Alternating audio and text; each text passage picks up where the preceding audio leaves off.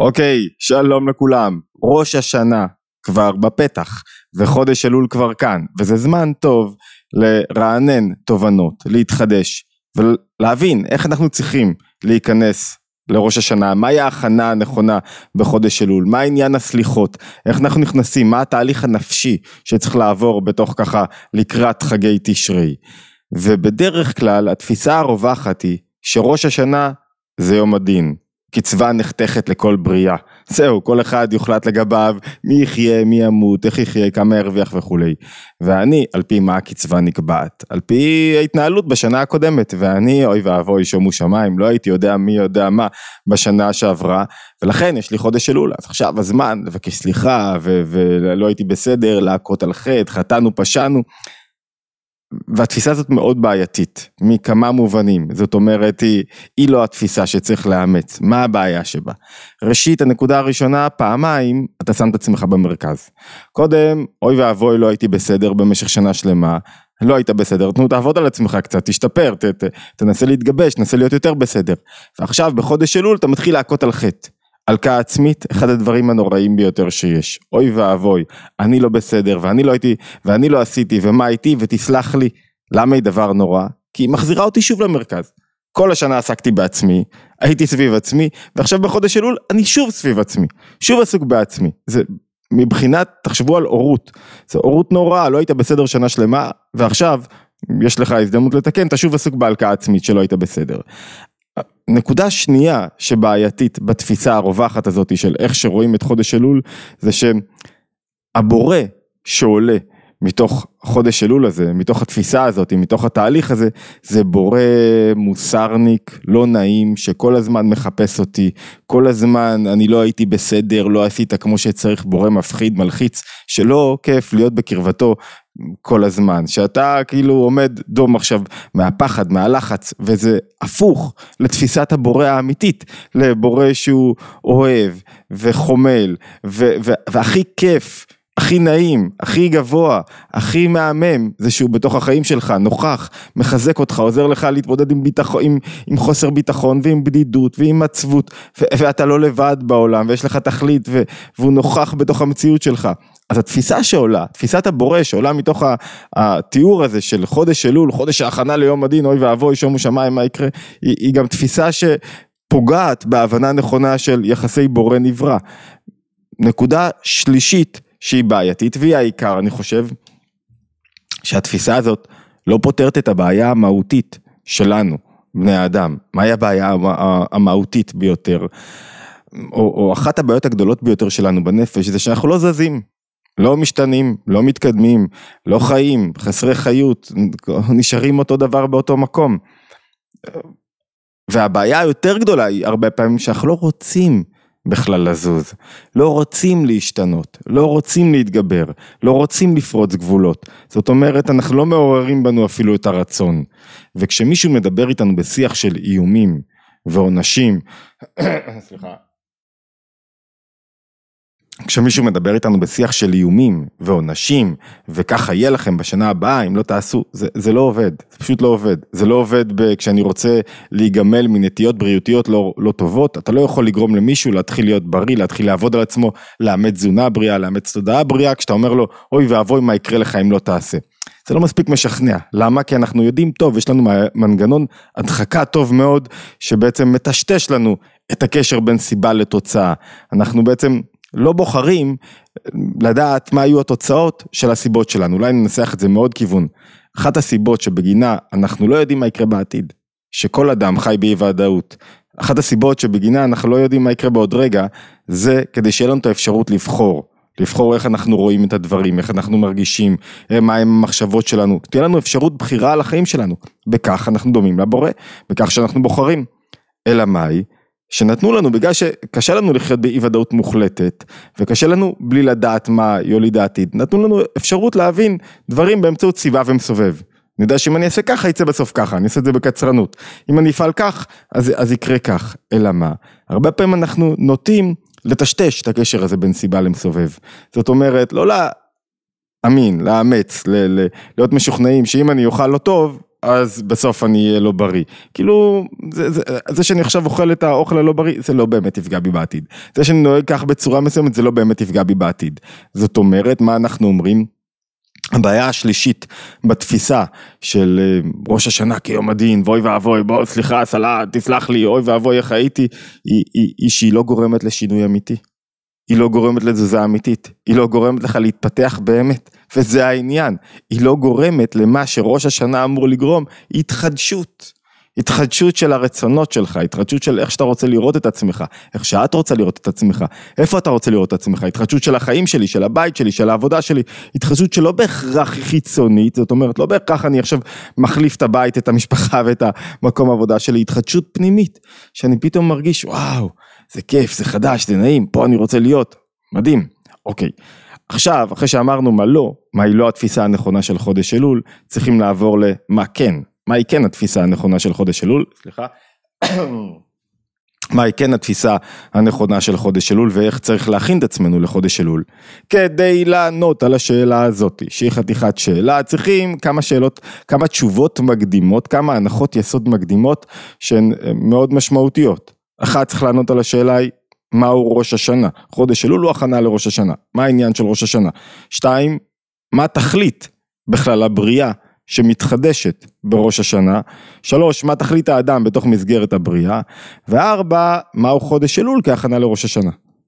זאת אומרת, ארבע שאלות שיש להן אה, תשובות שתכף נציב אותן בצורה סדורה, אבל הן שאלות מעמיקות, אבל שיורדות באמת לחיי ההתחדשות של כל אדם ואדם, ואז הן יכולות לפתור לנו את השאלה איך אני מתחדש לקראת חודש אלול, מהי ההכנה הנכונה, הנפשית הנכונה לחודש אלול, ואיך אני צריך לעבור, מה, מה צריך לעשות, איך צריך להתבונן בדברים, לא מבחינה פרקטית רק מעשית, אלא מה ההזדמנויות המקופלות בתוך חודש אלול. אוקיי, בגלל שהשאלות גבוהות ו, ומורכבות, אז אנחנו ננסה להתחיל דווקא ממשל שיעזור לנו להבין את התשובות, מתוך המשל ניכנס לתוך אמ, תורתו של אדמו"ר הזקן, שבו הוא מלמד אותנו את התשובות לכל השאלות הללו. מהו חודש אלול, מהי ההכנה הנפשית הנכונה, מהו ראש השנה, מה תכלית האדם, מה תכלית הבריאה, ו- ואיך חודש אלול הוא ההכנה הנכונה לחגי תשרי. אוקיי, המשל הטוב ביותר כדי להבין את החיים שלי ואת ה- הקשר של האדם עם בורו, זה המשל הזוגי. ו- ובואו רגע ננסה להבין רגע איזה תהליך זוגי מסוים. התחתנתם, כדי להתאחד, להקים בית, להיות יחד, לצמוח, לקיים זוגיות זה אחדות משותפת. וזה לא כל כך עובד, כי אתה קצת אטום. אתה מעצבן, אתה אטום, אתה עסוק בעצמך, בקריירה שלך, כאילו מרגיש לי שאני מנהל בית לבד ולבן הזוג ושהוא לא, אין פה נוכח, ועד שהיא מחליטה אשתך שנמאס לה, נמאס לה, לא רוצה, אתה לא שם, חותכים את העסק הזה, אני רוצה להיפרד, לא רוצה להיות יותר במקום הזה. הרצון להיפרד זה בעצם ערב ראש השנה. אין לי רצון יותר בה, אני לא, לא מבינה מה יוצא לי מהזוגיות הזאת, מה אני מרוויחה מהזוגיות הזאת, שום דבר פה לא יוצא כמו שצריך. ואתה החלטת שאתה רוצה לעורר בחזרה את הרצון, אתה לא מוותר על זה, זה הבית שלך, אתה לא רוצה לוותר על הזוגיות הזאת, אתה לא רוצה לוותר על מה שבנית, אתה, אתה, אתה, אתה, אתה רוצה לעורר בשוב את הרצון, לתת סיכוי, צ'אנס חדש לזוגיות הזאת. אבל אתה גם לא רוצה להיות במקום מרצה. זאת אומרת, אתה לא רוצה עכשיו להגיד לה, סליחה מאמי על איך שהתנהגתי כל השנה, היא גם לא מאמינה לך, גם אתה יכול לחזור לסורך, גם נשמע ריצוי, גם זה לא תמיד אמיתי, כאילו מה, שפח, מה שפגעתי, מה שעשיתי, זה, זה לא באמת מה, אתה, אתה לא באמת מצטער, אתה רוצה לבנות פה משהו חדש שתתעורר בתוכו, כאילו, אתה מבין שלא היית בסדר, אוקיי, בסדר, אבל אתה רוצה לעורר פה שיח חדש. רצון חדש, לעורר בה משהו הרבה יותר עמוק, הרבה יותר פנימי, לעורר בה את הסיבה הראשונית שבגינה בכלל, בכלל התחתנתם, את הסיבה הראשונית שבגינה בכלל התאחדתם, לעורר בה משהו פנימי ועמוק ומתוך זה עכשיו להתחיל לבנות שוב את מערכת היחסים, לא עכשיו סליחה מאמי לא הייתי בסדר, כאילו בוא עכשיו ניישר הדורים בענייני תקשורת ונסגור פינות, משהו יותר גבוה אתה רוצה, לעורר בה את הכוח של החיבור הפנימי, את הרצון הפנימי העמוק ביותר שלה. כדי לעשות את זה, מה אתה צריך לעשות? כאילו, כדי שיתעורר בה עכשיו רצון אחר, שהוא לא רק רצון של אה, סליחה מאמי ו- ומשהו חיצוני כזה זמני כדי לרצות אותה. כדי לעשות את זה, מה אתה צריך? אתה צריך, דבר ראשון, שבתוך תוכך יתגלה הרצון הגבוה הזה בקשר. הרצון להיות מחובר שוב, שזה בעצם אומר, כדי שרצון אחד יתגלה, חייבים לוותר על רצונות אחרים. אתה מוותר קצת עכשיו על ה... אני אומר לה, אוקיי, הקריירה שלי שכל כך רציתי, זה שני, הבית הוא קודם. הדברים האחרים שרציתי זה משני, ההתקפי ניקיון שלי או ביקורתיות שלי זה משני, אני קודם כל רוצה את החיבור והאחדות ואני מוכן לשלם בשביל החיבור והאחדות ואני מעורר בתוכי את הרצון, כי אם לא תעורר בתוכך את הרצון האמיתי בקשר המחודש, בקשר גבוה יותר, אז, אז גם לא תצליח לעמוד בכל הדברים הבאים, גם לא באמת תיצור שינוי פה, גם לא תעורר אותה לאיזה משהו חדש. זאת אומרת, קודם כל, אתה צריך לעורר בך את הרצון הזה. וכשהרצון הזה מתעורר מתוכך, היא תקלוט, והיא תגיד לך, יאללה, בוא נתחיל.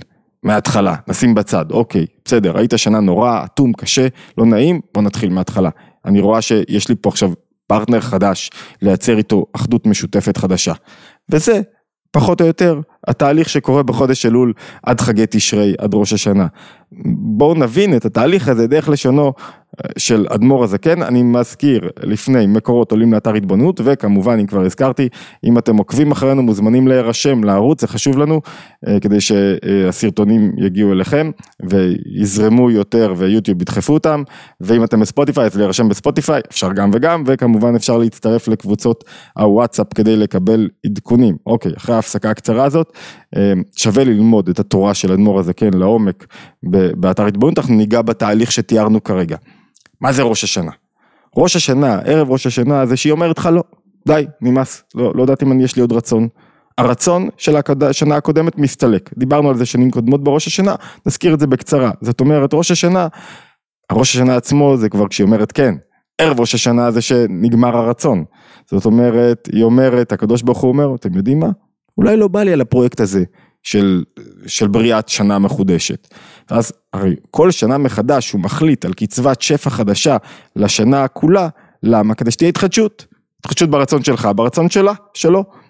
זאת אומרת, הוא כרגע בראש השנה זה אחרי שהוא כבר קיבל החלטה להוריד רצון, רצון, רצון חדש, שזה בעצם רצון מבטא את החיות. כשמישהו לא רוצה משהו, אין לו חיות בדבר.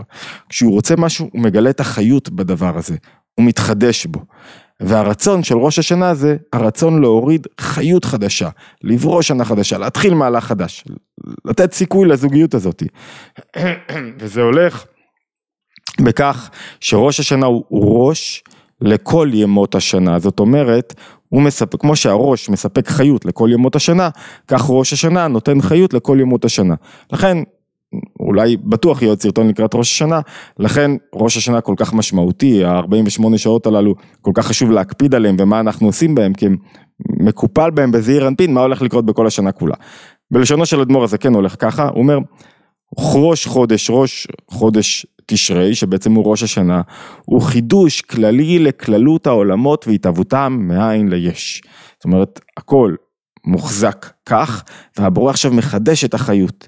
כי הנה בחינת עולם, שנה, נפש, האופנים שבו הקדוש ברוך הוא מאיר את העולם, עולם, מקום, נפש, החיות הפנימית והזמן, שכמו שיש בנפש ראש ומוחין, ראש ומוחין, שבו גילוי כללות החיות כמו שאמרנו קודם, וזה נמשך לכל האיברים, אותו דבר יש לזמן, ולזמן שאנחנו חווים, יש ראש ומוחין, ומהו הראש והמוחין לזמן? ראש השנה. וההתחדשות של ראש השנה זה מה שנותן חיות לכל ימות השנה בכלל. מה זה החידוש הזה? החידוש הזה מסביר אדמו"ר הזקן זה גילוי מלכותו יתברך בכל העולמות. זאת אומרת שהקדוש ברוך הוא אומר אני רוצה עכשיו להיות נוכח בתוך הבריאה. כאן זה מעביר אותנו לשאלה השנייה, שאלנו מה קורה בראש השנה? חידוש החיות. בעצם מקבלים קפסולת שפע, חיות לכל השנה כולה. למה? כי זה חלק מתכלית הבריאה. מה תכלית הבריאה? פה הוא מסביר ב, אה, בכמה משפטים, ונעשה את זה בצמצום, בתקציר. בורא הוא למעלה מכל העולמות. זאת אומרת, אבל התחשק לו, נתאווה, שהאור שלו יופיע בתוך המקום התחתון ביותר. זמר רוצה, להבדיל כמובן, רוצה שהמוזיקה שתגיע שלו לכל המקומות. אין דבר כיף יותר מאשר לשמוע מישהו שאומר, שמעתי את הפודקאסט שלך, איזה כיף, איך זה מחזק, איך זה מעורר, קראתי את הספר שלך. יוצר, רוצה שהיצירה שלו תגיע לכל מקום. בורא, רוצה שהיצירה שלו תגיע למקומות הרחוקים ביותר. אלא מה? בגלל שהוא מלא בכל מקום, אז הוא חייב לצמצם את עצמו כדי להשאיר לנו מקום, להשאיר לנו מקום שאנחנו המקום הרחוק ביותר ממנו, ובתוך המקום הזה אנחנו נמשיך, נגלה אותו בתוך המקום הזה. איך מגלים בורא בתוך המקומות הנמוכים? על ידי אחדות, חיבור, אהבה, על ידי כל הדברים של אמונה, תפילה, כל הדברים שמגלים בורא בתוך העולם התחתון. אז הוא אומר כך, הוא אומר, הצמצום של הבורא זה לא לגבי הקדוש ברוך הוא, בו אין שינוי, הוא למעלה מכל העולמות. אבל נתלבש בלבוש, בגאות, הסתיר את עצמו, כדי, כך עלה ברצונו, כדי להסתיר את האור ואת השפע ואת החיות שלו, כדי שיתאבו עולמות בירידות והשתלשלות המדרגה, עד שיהיה עולם הזה השפל הגשמי, שבו נעשה משכן האדם. ולמה? כדי להפוך חושך לאור, כל משפיע שיוצר יצירה, אם הוא רק רוצה, אם אני רוצה שישמעו את הפודקאסט שלי כדי שיגידו, אתה, זה, זה, אין בזה שום תכלית, זה, זה הכל אני, זה הכל מוטיבציית קבלה. אם אתה רוצה שישמעו כדי שיהפכו חושך לאור, כדי שתהיה השפעה אמיתית, כדי שיהיה שינוי, כדי שתהיה מעורב בחיים של אנשים אחרים ותגרום להם לשינוי, ויהיה יתרון האור מן החושך, הבא מן החושך, זאת אומרת, יצרת, יש מקום חשוך, לשם הבאת את היצירה שלך, ופתאום היצירה השפיעה על מישהו שמתמודד עם קושי, עם אבלות, עם, יצ... עם כל דבר, ופתאום האור שלך יצר שינוי, אה, זה תכלית, עשיתי משהו בעולם, הורדתי את האור שלי, גיליתי, בשפה שאנחנו משתמשים בה, את הכוחות שלי, לא השארתי אותם לעצמי. זה תכלית הבריאה. מה שהאדם צריך לעשות זה שהיצירה שלו תשפיע על מישהו, כל אדם רוצה להשפיע, כל אדם רוצה שיהיה לו ערך. מה שהבורא רוצה לעשות זה להשפיע במקומות הכי נמוכים והכי רחוקים. המקום הכי רחוק זה המקום שהכי נסתר, חשוך, שאין בו גילוי אור הבורא. אז זה תכלית הבריאה, זאת אומרת, הוא כל שנה בורא מחדש את כל הקונסטרוקציה הזאת, כי הוא מאמין שהרצון שלו, שה... מתוך הרצון הגבוה הזה, שהאור הגבוה יתגלה בתוך המקומות הנמוכים. מה זאת אומרת? מה עכשיו התפקיד של האדם בתוך תכלית הבריאה? זה שהוא בתוך עולם חשוך של קריירה, מרוץ, תשלומים, כריכים לילדים, בלאגנים, על העניינים. בתוך זה הוא ייחד את רצון הבורא, הוא יגלה אותו במקום התחתון. זאת אומרת, במקום שיהיה לו איזה בורא שהוא אה, מוסרניק ונוקשה ושופט ו... ו... לא, יש לו עכשיו לצידו בורא שמעלה אותו תענוג וחיות ואינסופיות ו- ובכל דבר שהוא עושה הוא חושב על זה ובכל פעם שהוא מתגבר על סטרס הוא קולט את זה, בכל פעם שהוא מתגבר על עצבות ובדידות, כי הוא לא לבד, כי יש לו תכלית ויש לו משמעות, לגלות את הכוחות שלו בתוך העולם, להשפיע, להוריד אור חיובי, לגלות אהבה ואחדות ואת מה שנכון בתוך העולם. אוקיי, זה כבר מהלך אנושי אחר לגמרי, זה לא מה אני מקבל לעצמי, מה יצרתי, מה עשיתי. זאת אומרת, זוכרים את המשל שלנו על הזוגיות? בזוגיות, זאת אומרת, עבד לה הרצון, עכשיו, החליטה שחוזר הרצון, למה בכלל התחברנו?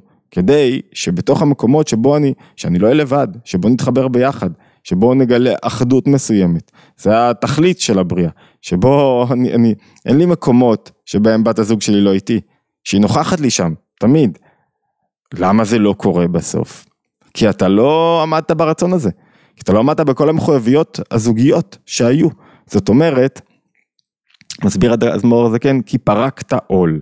מה זאת אומרת פריקת עול? פריקת עול זה לא שאתה חוטא ועושה דברים נוראים, זה לא פריקת עול, זה לא העניין של פריקת עול, זה מתחיל יותר קודם. מתי מתחילה פריקת עול? פריקת עול מתחילה מהמקום שבו אין עלי עול. אני לא חושב על אשתי, היא לא ב back mind שלי. היא לא שם, זאת אומרת, ב, ב, היא לא אצלי, במודע, אתה יכול להיות בכל מקום בעולם, ובת הזוג שלך איתך. אתה יכול להיות שיש לך ילדים, והם איתך, אתה יש לך אחריות לילדים, גם אם אתה עושה דברים אחרים עכשיו, אתה לא שוכח מהילדים שלך, גם אם לפעמים אתה מתמקד במשהו אחר. פריקת עול זה ששמת את הבורא במקום אחר, הוא לא עכשיו נוכח בעולמך. מה נוכח בעולמך עכשיו? חרדות, פחדים, עצבות, סטרס, מלא דברים אחרים. אנחנו לא מדברים בכלל פה על חטאים, כל העניין של אלול זה לא חטאים, זה לא הכנה. יום הדין פה זה לא חטאים, יום הדין זה לעורר רצון מחודש. לעורר רצון מחודש שהוא יברא בכלל שנה חדשה. והוא שואל, לשונו של אדמו"ר הזקן, יום הדין שבו דנים את האדם על מעשיו שעברו בשנה שעברה, כי להיות עולם עוד התחדשות אחריות כללי של שנה זו. יש על זה כמה קטרוגים על האדם. זאת אומרת, לא רוצה לחדש, את השנה. למה? כי הוא שואל, אם ראוי הוא לכך להיות נמשך על ידי רצון העליון בגילוי מלכותו. זאת אומרת, כל השנה אני בראתי עולם, אומר ככה הבורא, אולי נסדר את זה, בראתי עולם כדי שאתה תגלה אותי בתוך המקומות התחתונים, שתחווה אותי, תחווה חוויית אחדות וחיבור. במקום זה אתה חווה רק אגוצנטריות, רק עסוק בעצמך, רק במה קיבלת. סילקת אותי מעולמך. אז איך אתה רוצה שאני ארצה עוד שנה? זה כל פעם שזה קרה לך זה פריקת עול. זאת אומרת לחיות עם בורא נוכח בעולם אם זה בורא מוסרניק זה נורא זה קשה זה מעייף. אם זה בורא מחזק וואו זה איזה כיף זה איזה חוויית חיים נפלאה זאתי. דבר מדהים. מפני פריקת עול שיש שאינם מקבלים עליהם תמיד עול מלכות שמיים באהבה ורצון זה המילים שצריך להדגיש כאן באהבה ורצון זאת אומרת בתוך המערכת הזוגית בתוך המשל שלנו היא אומרת לך אולי היית, אבל לא אהבת, לא רצית, לא באמת, מה זה פריקת עול? לא הייתי נוכחת בעולמך, לא באמת חשבת עליי. כשיצאת למילואים, על, על מה, לא עשית משהו רע, נגיד, אין פה חטא, אבל, אבל לא חשבת עליי, לא החזקת אותי בתוך הראש. כי אם לפרקים ואיתי מזומנים, זוכר את מלך מלכי המלכים, לפעמים זכרת, נזכרת, שלחת וואטסאפ מה, פרחים ל, ל, ליום ההולד, אבל לא באמת, חי, לא באמת היה פה חיבור אמיתי, שזה העניין של הקשר, חיבור שאני בתודעה שלך. מה שאין כן, כל היום פונה למחשבתו, כל אחד ואחד, כל אחד מפנה את הראש שלו. אוקיי, עכשיו הבנו מהו ראש השנה, שהוא בעצם יום חידוש הרצון. הבנו מהו חודש אלול, שזה הכנה שבו אני מחדש בעצמי את הרצון, כדי שאני אחדש בה את הרצון, אני מחדש בי את הרצון. והרצון הזה הוא לא רצון של אוי טעיתי חטאתי, לא עוד פעם תעסוק בעצמך. הוא שעכשיו אתה מחזיר איזה רצון מחודש, גבוה יותר. הרי פריקת עול מתחילה לא מהמקום שבו עשיתי איזה משהו, מקום שכבר לא, אתה לא מחובר, אין לך עול על הכתפיים, זה לא במחשבות שלך, זה לא שייך אליך, האדם יהיה עבד בכל מקרה. שאלה למה עבד? למה שהוא בוחר, שאני משרת דבר מסוים, או לתאוות שלו, למה שמשגע אותו לעולם, לפרסמות, תבחר. עול יהיה לך על הכתפיים, אין כדבר בלי עול על הכתפיים, השאלה אם זה עול משמח, מכוון, מצמיח, עול אמיתי שאתה בחרת בו, או עול חיצוני שרק יוריד אותך עוד על התמכרויות, לאן אתה לוקח את עצמך.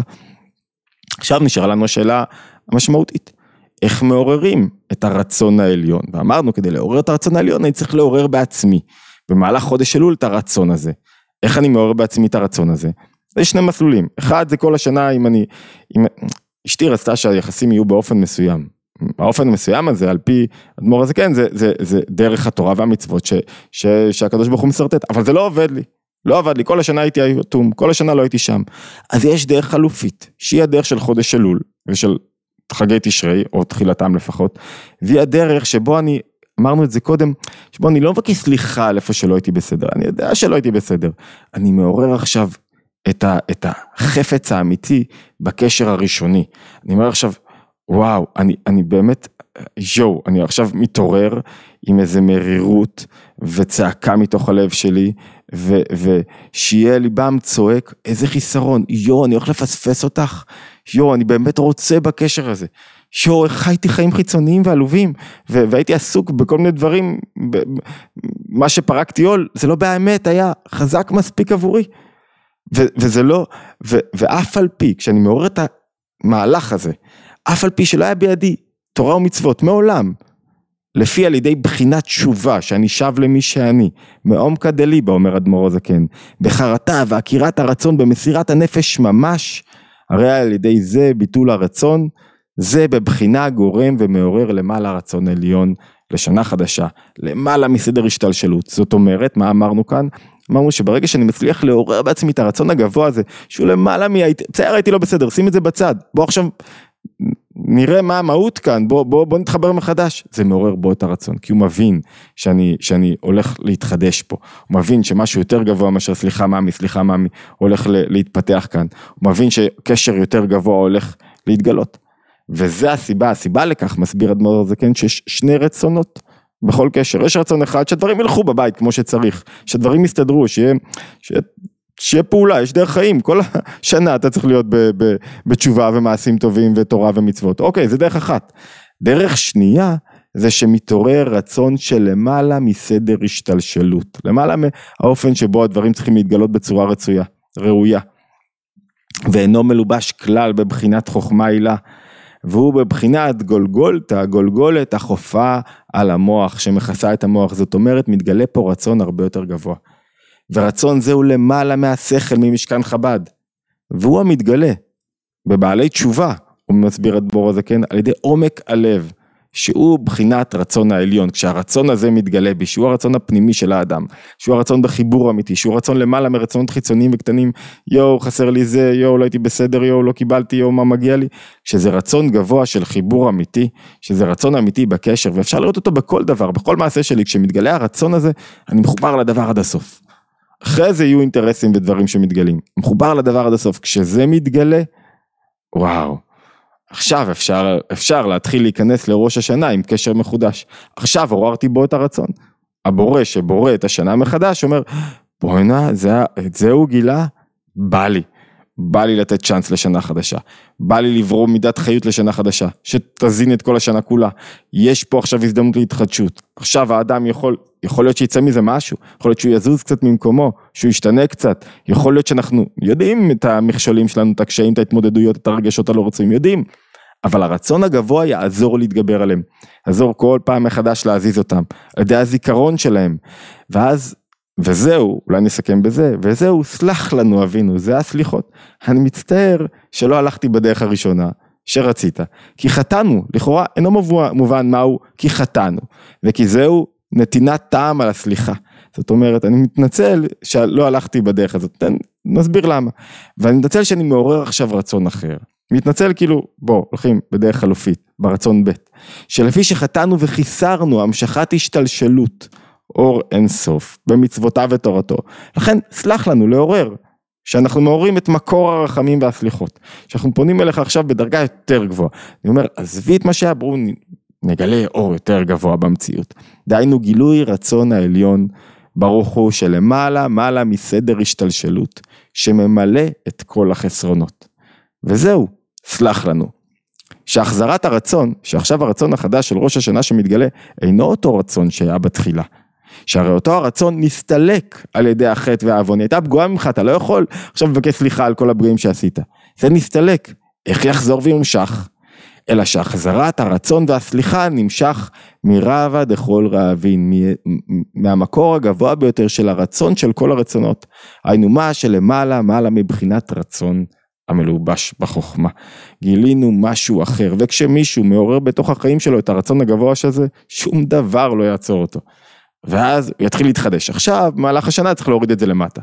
אבל קודם כל, הכל מתחיל בלעורר את הרצון הפנימי הגבוה למעלה מהקטנות של החיים, למעלה מלא הייתי בסדר. והמקום הזה, כשאני מעורר אותו אצלי, איך אני מעורר אותו? זה, זה, זה הנקודת מפתח, הבריח התיכון. איך אני מעורר, מעורר אותו? רק כשאני מבין שהרבה יותר יש לי תענוג וחיבור ו- ו- וחיים טובים ו- וכיף בקשר כשאני מתאחד עם בת הזוג שלי, כשאני מעורר את הרצון העליון, זאת אומרת בואו ננסח את זה שוב, איך אני מתגבר על התמכרות ועל תענוג במקום לא טוב, כשאני מעורר תענוג במקום הטוב בעוצמה גדולה יותר.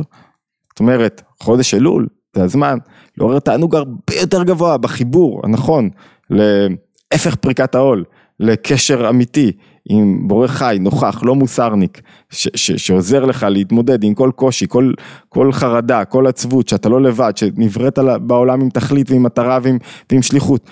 כשיש לך כזאת תודעה, והיא חודרת בתוך המציאות שלך, אתה אומר, וואו, רק כזה, עכשיו אני מבין למה אני רוצה את זה. לא מתוך פחד, לא מתוך פחד שאוי ואבוי מה יקרה לי, כי אז שוב אני בעצמי, ושוב לא השתניתי, ושוב אני לא אזוז לשום מקום, אלא להפך, מתוך גילוי תענוג גדול. אוקיי, התבוננות יומית.